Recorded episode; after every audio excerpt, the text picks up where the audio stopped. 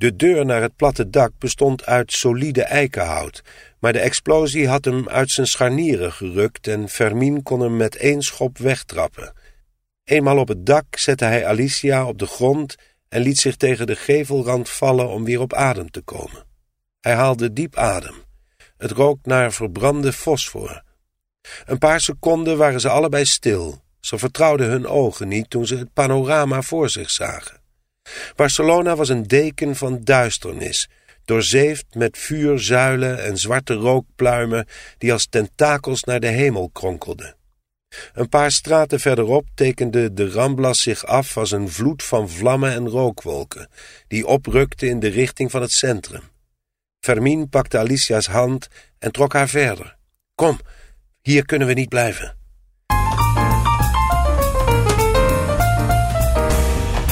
Welkom bij Tinium Talks, de podcast over de wereld van luisterboeken. Uh, vandaag hier in de studio redacteur en thrillerrecensent uh, van boekensite hebon.nl. Uh, zojuist een boekencontract getekend bij HarperCollins Holland. Net terug uit New York in de studio. Soraya Vink. Hallo. Welkom. Dankjewel. Um, Soraya, we luisterden net naar Het Labyrinth der Geesten van uh, Carlos Ruiz Safon. Uh, jij bent zelf uh, expert in de Spaanse taal en cultuur. Uh, je hebt dat gestudeerd aan de Universiteit van Utrecht. Dat klopt. Dat is jouw grote link met Carlos Ruiz Safon. Daar beginnen we, daarom beginnen we daarmee. Ja, ja ik heb um, ter afronding van mijn bachelor Spaanse taal en cultuur aan de Universiteit Utrecht een scriptie geschreven over de schaduw van de wind. Uh, en daar heb ik in onderzocht hoe Carlos Ruiz Zafón uh, symbolisch de Spaanse burgeroorlog uitbeeldt en de herinnering daaraan. Omdat er in Spanje eigenlijk een cultuur is, uh, la memoria prohibida, dat over die gebeurtenis niet gesproken wordt in het openbaar. En Carlos Ruiz Zafón doet op een prachtige manier, heel subtiel, verweeft hij dat in zijn prachtige verhaal. Want jij bent dat gaan studeren.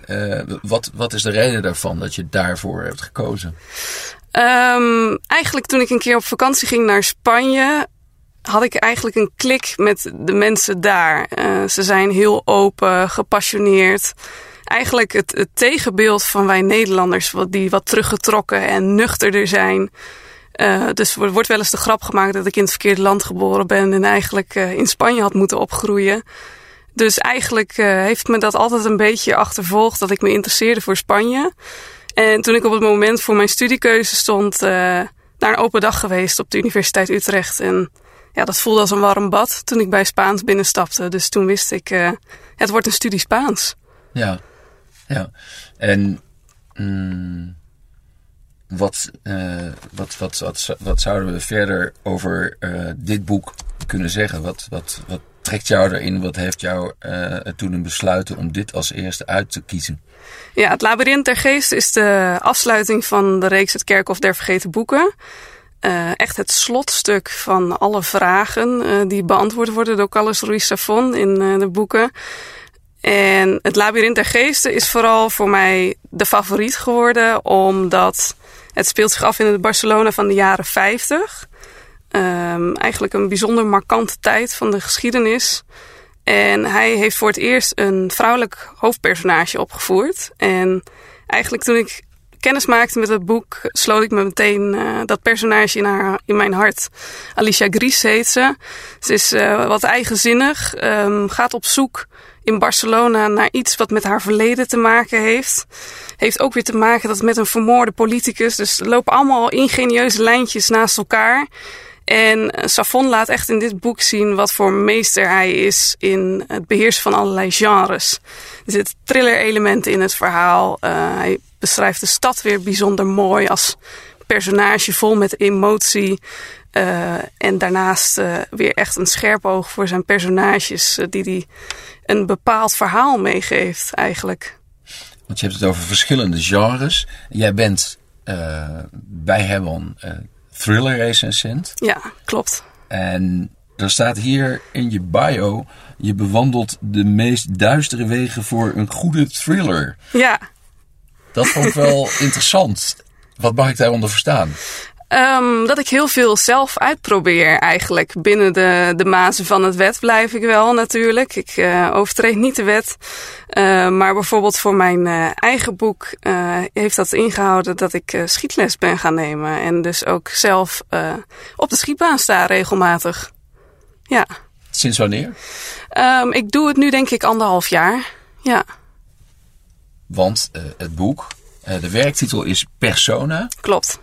Ehm, dat, daar ben je al best wel een poos in bezig dan. Ja, um, het schrijven zelf is veel sneller gegaan dan ik had verwacht. Omdat ik uh, in contact kwam met mijn huidige uitgever HarperCollins Holland.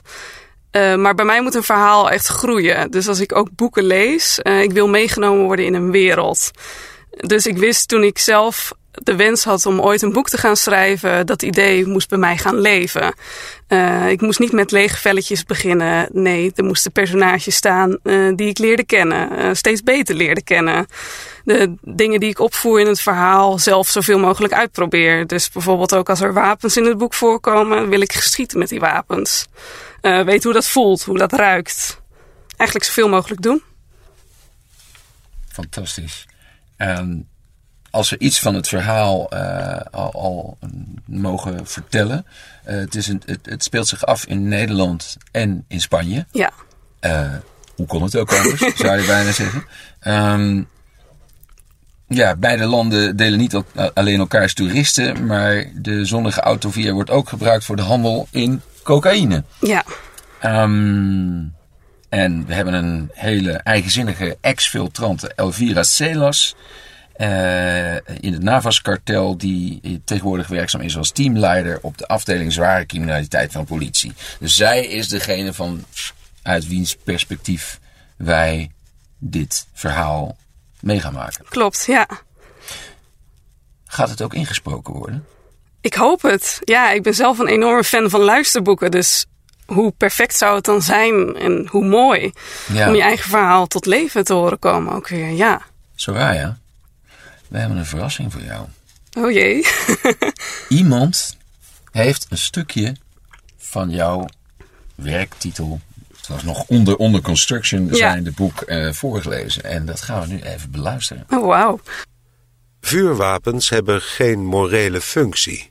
Geen belangstelling voor een vriendelijke glimlach of een intelligente opmerking. Ze verwonden en beschadigen mensen. En juist deze vorm van macht fascineert haar. Ze weet uit ervaring hoe een enkele kogel een hele familie in rouw kan dompelen, oproept tot een reeks samenzweringstheorieën of uitmondt in een oorlog die uiteindelijk nog meer mensen het leven zal kosten. Haar wijsvinger glijdt af naar de trekker en ze bouwt de druk op tot ze een schot lost. De scherpe geur van de kruiddamp bijt in haar neus. Ze knielt naast het lichaam om hem voor de laatste keer aan te kijken. De rode vlek tekent zich af op het t-shirt als een machteloze strijd tegen een naderende dood. In zijn ogen leest ze een mengeling van schrik en verrassing. Na al die tijd weet ik wie jij echt bent. Toch de vuile rat waarvoor ze mij waarschuwde, kreunt hij, en zijn ademhaling stokt even. Het klinkt als een vloek. Terwijl de adrenaline door haar lijf giert, concentreert ze zich op haar omgeving. De belletjes spuug op zijn lippen waar de kleur verder uit verdwijnt, prent ze in haar geheugen. En de kou van de betonnen vloer dringt door tot in haar botten. Daar ligt hij, weerloos en overgeleverd aan de macht van een ander. Dit voegt weer iets toe, hè? Ja. Ja, dat is ontzettend bijzonder, want als je alleen achter je laptop zit en je bent dit aan het opschrijven en nou ja, de proloog heb ik nu inmiddels meerdere keren zelf teruggelezen. Dan heb je je eigen stem in je hoofd. En vaak probeer ik wel dialogen hardop voor te lezen als ik aan het schrijven ben. Dat je weet um, of iets ook echt lekker bekt eigenlijk. En of dat in het dagelijks leven voor kan komen. Maar ja, dit geeft een hele andere dimensie aan het verhaal. Dat is heel gaaf om te horen. Geeft je ook weer munitie om op voor te gaan. Ja, zeker. Ja. ja. Het lijkt alsof jij uh, een zondagskind bent, als ik, uh, als ik dat zo uh, mag zeggen. Ja. Ja, ja. Voelt het ook een beetje zo? Of heb jij zelf het idee dat je juist heel erg uh, de, de wereld waarin je leeft moet bevechten? Want je, je, gaat schieten, je gaat je helemaal inleven in datgene wat je doet. Je krijgt het niet in de schoot geworpen. Nee, um, ik ben eigenlijk altijd wel um, wat eigenzinniger geweest. Um, maakte niet altijd heel erg snel contact met leeftijdsgenootjes. Voelde me altijd wel wat meer thuis bij oudere personen. Wordt vaak ook wel wat ouder geschat in het boekenvak. Uh, terwijl ik daar eigenlijk een van de jongeren ben die daar nu nog rondloopt. Dus eigenlijk ben ik altijd wel een beetje anders geweest dan anderen. Maar de wereld bevechten, nee, eigenlijk niet zo. Maar wel je, eh, je best doen om, om heel goed te worden in ja, wat je doet. Absoluut. Als ik ergens voor ga, dan uh, is het voor 200% in plaats van 100 eigenlijk. Ja. Dat is een, uh, dat is een mooie eigenschap. Um, jij bent net in New York geweest. Ja, klopt. Uh, het derde fragment wat we hebben is van Manhattan Beach. Dat speelt zich daar af. Ja. Uh, en daar wil ik zo even een link maken met de reis die je net hebt gemaakt. Oké. Okay. We gaan even luisteren. Pas toen ze helemaal naar het huis van Mr. Styles waren gereden, besefte Anna dat haar vader nerveus was. Eerst had de rit haar afgeleid. Ze soefde over Ocean Parkway alsof ze op weg waren naar Coney Island, al was het vier dagen na kerstmis en veel te koud voor het strand. En toen het huis zelf. Een paleis van gouden bakstenen, drie verdiepingen, aan alle kanten ramen, luidruchtig klapperende groen-geel gestreepte zonneschermen. Het was het laatste huis van een doodlopende straat die uitkwam bij zee. Haar vader parkeerde de Model J tegen de stoeprand en zette de motor af. Mop, zei hij, niet gluren naar het huis van Mr. Styles. Natuurlijk ga ik niet naar zijn huis zitten gluren. Je gluurt nu al. Nee, zei ze, ik knijp mijn ogen half dicht. Dat is gluren, zei hij. Je omschrijft het zelf. Voor mij niet. Met een ruk wendde hij zich tot haar. Niet gluren. Manhattan Beach van Jennifer Egan, voorgelezen door Sandra Matti. Um, dat speelt zich af rond oorlogstijd. Um, je komt net terug uit New York. Heb je daar dingen erkend uit het boek? Um, ik ben wel aan de kustlijn gaan kijken waar de oude werf zich eigenlijk uh, toen zat. Uh, Jennifer Egan die heeft ook heel veel research gedaan voor dit boek. En als je dit boek ook luistert, dan voel je de gedetailleerdheid en de authenticiteit die ze in het boek gestopt heeft.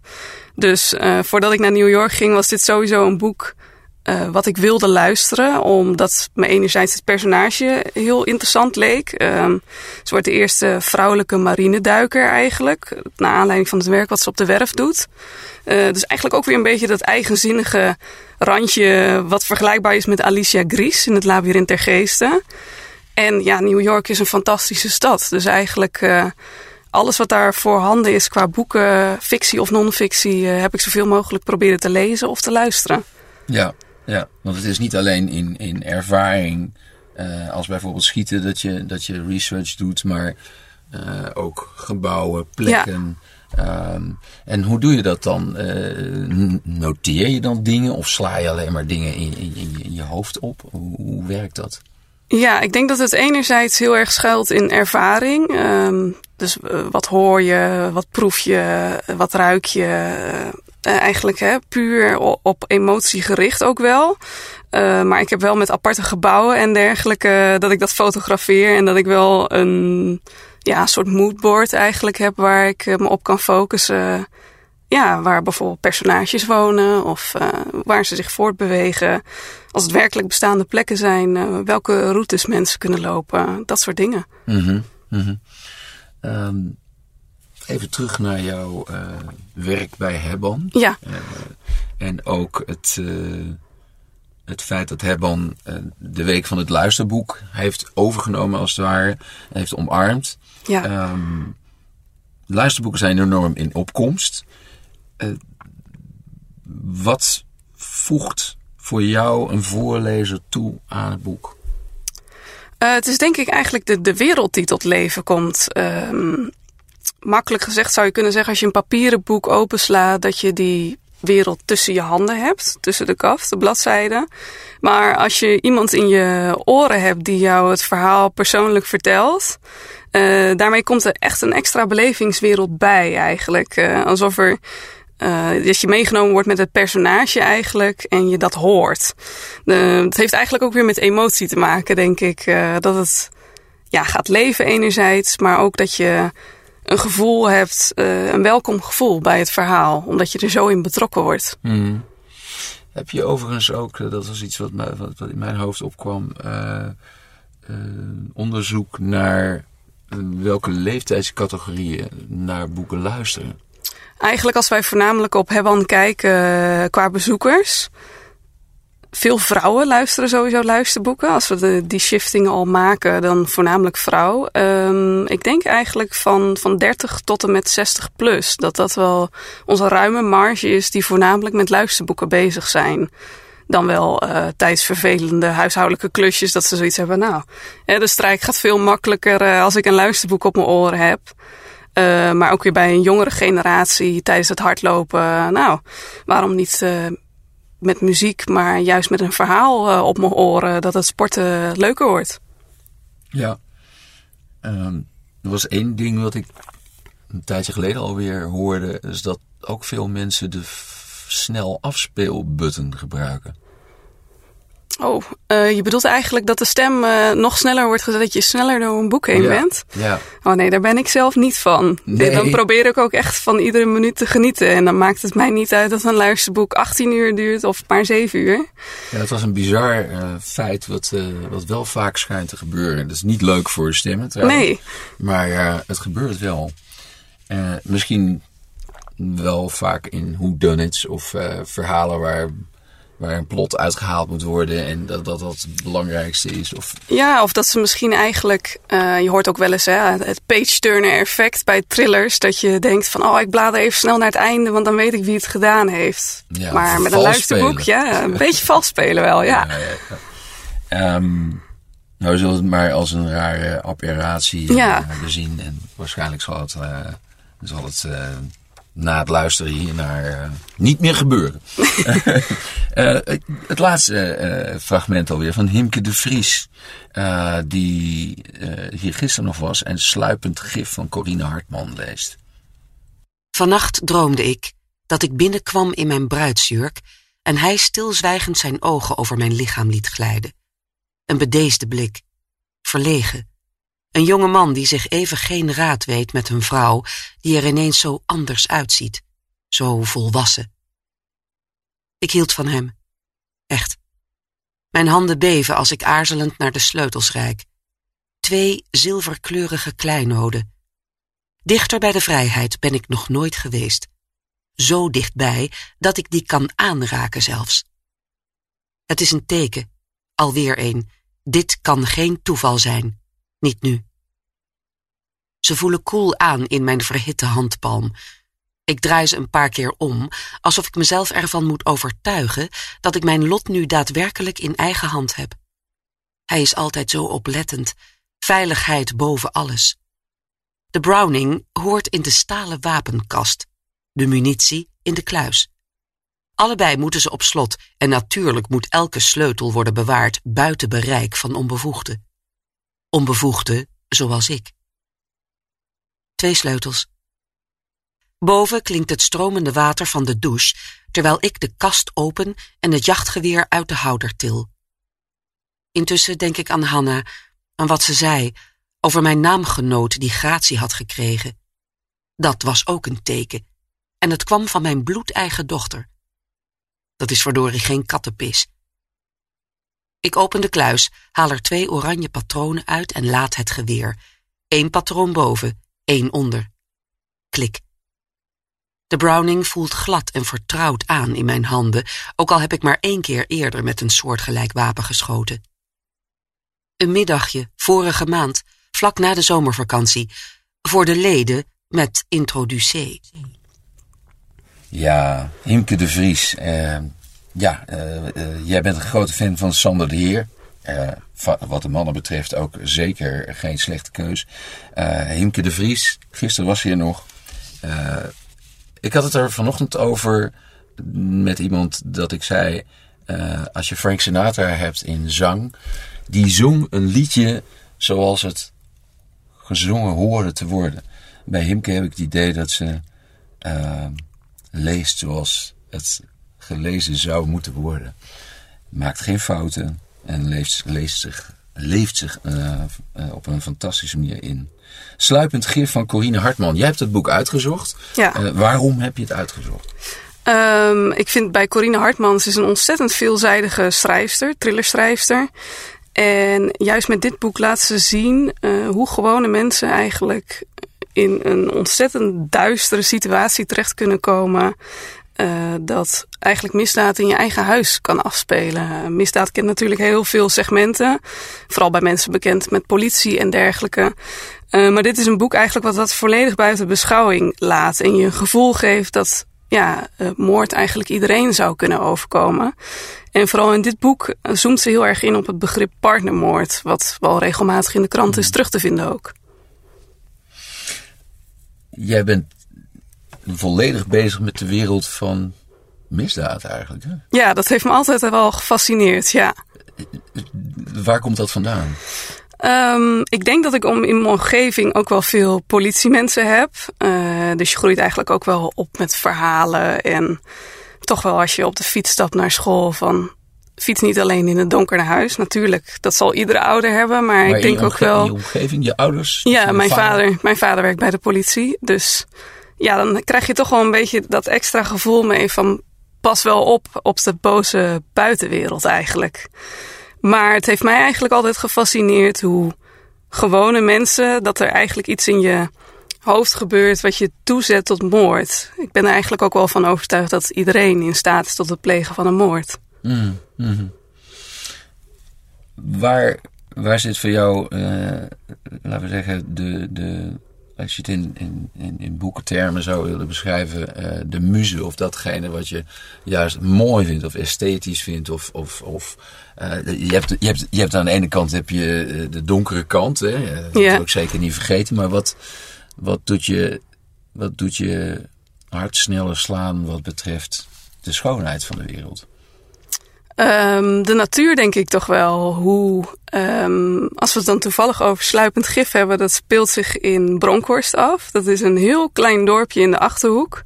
En mijn ouders komen oorspronkelijk uit de Achterhoek. Dus ik ben daar ook veel geweest in mijn jeugd en dergelijke. En zelf opgegroeid in de buurt van Utrecht. Wat dan toch wel weer een snelle stad is eigenlijk in vergelijking met de Achterhoek. Um, maar hoe rustig het daar is. En Um, je doet je eigenlijk even alles vergeten als je daar bent en gewoon je terugtrekt in de natuur, in het bos. Uh, ik hou ook ontzettend veel van zee, dus ik maak graag lange wandelingen aan zee. En ja, om je even terug te trekken van de wereld die wel verder draait in de stad, maar dat jij je even op zo'n mooie plek kan terugtrekken eigenlijk. Mm -hmm. Ja. Mm -hmm. En neem je dit ook mee in je, in je boek? Want ik heb hier, we hebben een klein, dat kleine stukje met, ja. uh, met Sander de Heer. Um, en daarin is het eigenlijk gewoon heel erg het beschrijven van die, van die, van die misdaad, uh, wat, wat daar gebeurt. Uh, maar het contrast met de natuur, met uh, die mooie kant van het leven? Of, of, of, zijn dit hele ijzige, koude boeken? Nee, ik denk eigenlijk, um, je probeert eigenlijk van je hoofdpersonage altijd wel iets van jezelf mee te geven, omdat het comfortabel voelt om er ook over te schrijven. En met Elvira Celas heb ik eigenlijk dat ze in die zin ver van me afstaat. Omdat ze best wel cool en kil kan reageren. Maar uh, ze deelt bijvoorbeeld de passie voor zee. Deelt ze heel erg met mij. Uh, dat ze zich terugtrekt naar zee om na te denken. En dat haar dat letterlijk en figuurlijk meer lucht geeft. Uh, de moed om verder te gaan eigenlijk. Mooi. Uh, ik wil nog uh, tot slot heel graag uh, aandacht besteden aan Hebban en aan de week van het luisteren. Ja. Want daar gaat het per slotverrekening om in de, de komende weken en de, de tijd waar we nu in zitten. Um, jij zei net uh, dat de, het luisterboek van het jaar wordt, uh, wordt gerecenseerd, wordt, uh, wordt bepaald door 100 luisteraars. Klopt. Uh, waarom hebben jullie daartoe besloten? Uh, eigenlijk hebben we er dat bedacht omdat een publieksprijs is eigenlijk een hele mooie prijs voor in dit geval een auteur en een voorlezer. En omdat het luisterboek in de week van het luisterboek bij Hebban meer onder de aandacht wordt gebracht, wilden we dit keer ook gewone lezers de kans geven om mee te doen in deze jury. Omdat zij uh, eigenlijk dag in dag uit ook een boek openslaan of met een luisterboek bezig zijn. En ja, dan kun je eigenlijk geen betere jury voorstellen dan honderd verschillende mensen die uh, met deze longlist aan de slag zijn gegaan. Um, drie juryboeken kregen toegewezen, waarna ze een formulier invulden na het luisteren. En zo aan de slag gingen en ons lieten weten wat ze er allemaal van vonden. En jullie zitten nog midden in dat proces, of is dat inmiddels afgerond? Ja, we zijn druk bezig met optellen inderdaad van de shortlist. En die zal volgende week dinsdag op 8 mei uh, bij Tijd voor Max bekend worden gemaakt op televisie.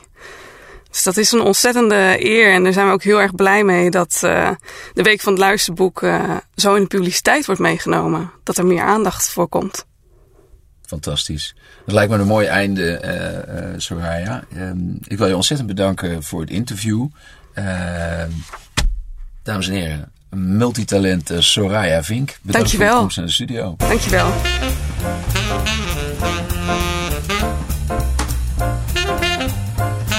U heeft in deze aflevering van Tinium Talks fragmenten gehoord van Het Labyrinth der Geesten van Carlos Ruiz Zafón, uitgeverij Signatuur.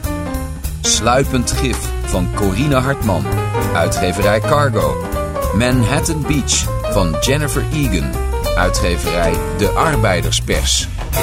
Met dank aan onze sponsor Luisterrijk.nl en de genoemde uitgeverijen mogen wij van de drie besproken luisterboeken een exemplaar weggeven. Wil je kans maken op een van deze luisterboeken? Stuur dan een mailtje naar info.tinium.nl onder vermelding van de titel.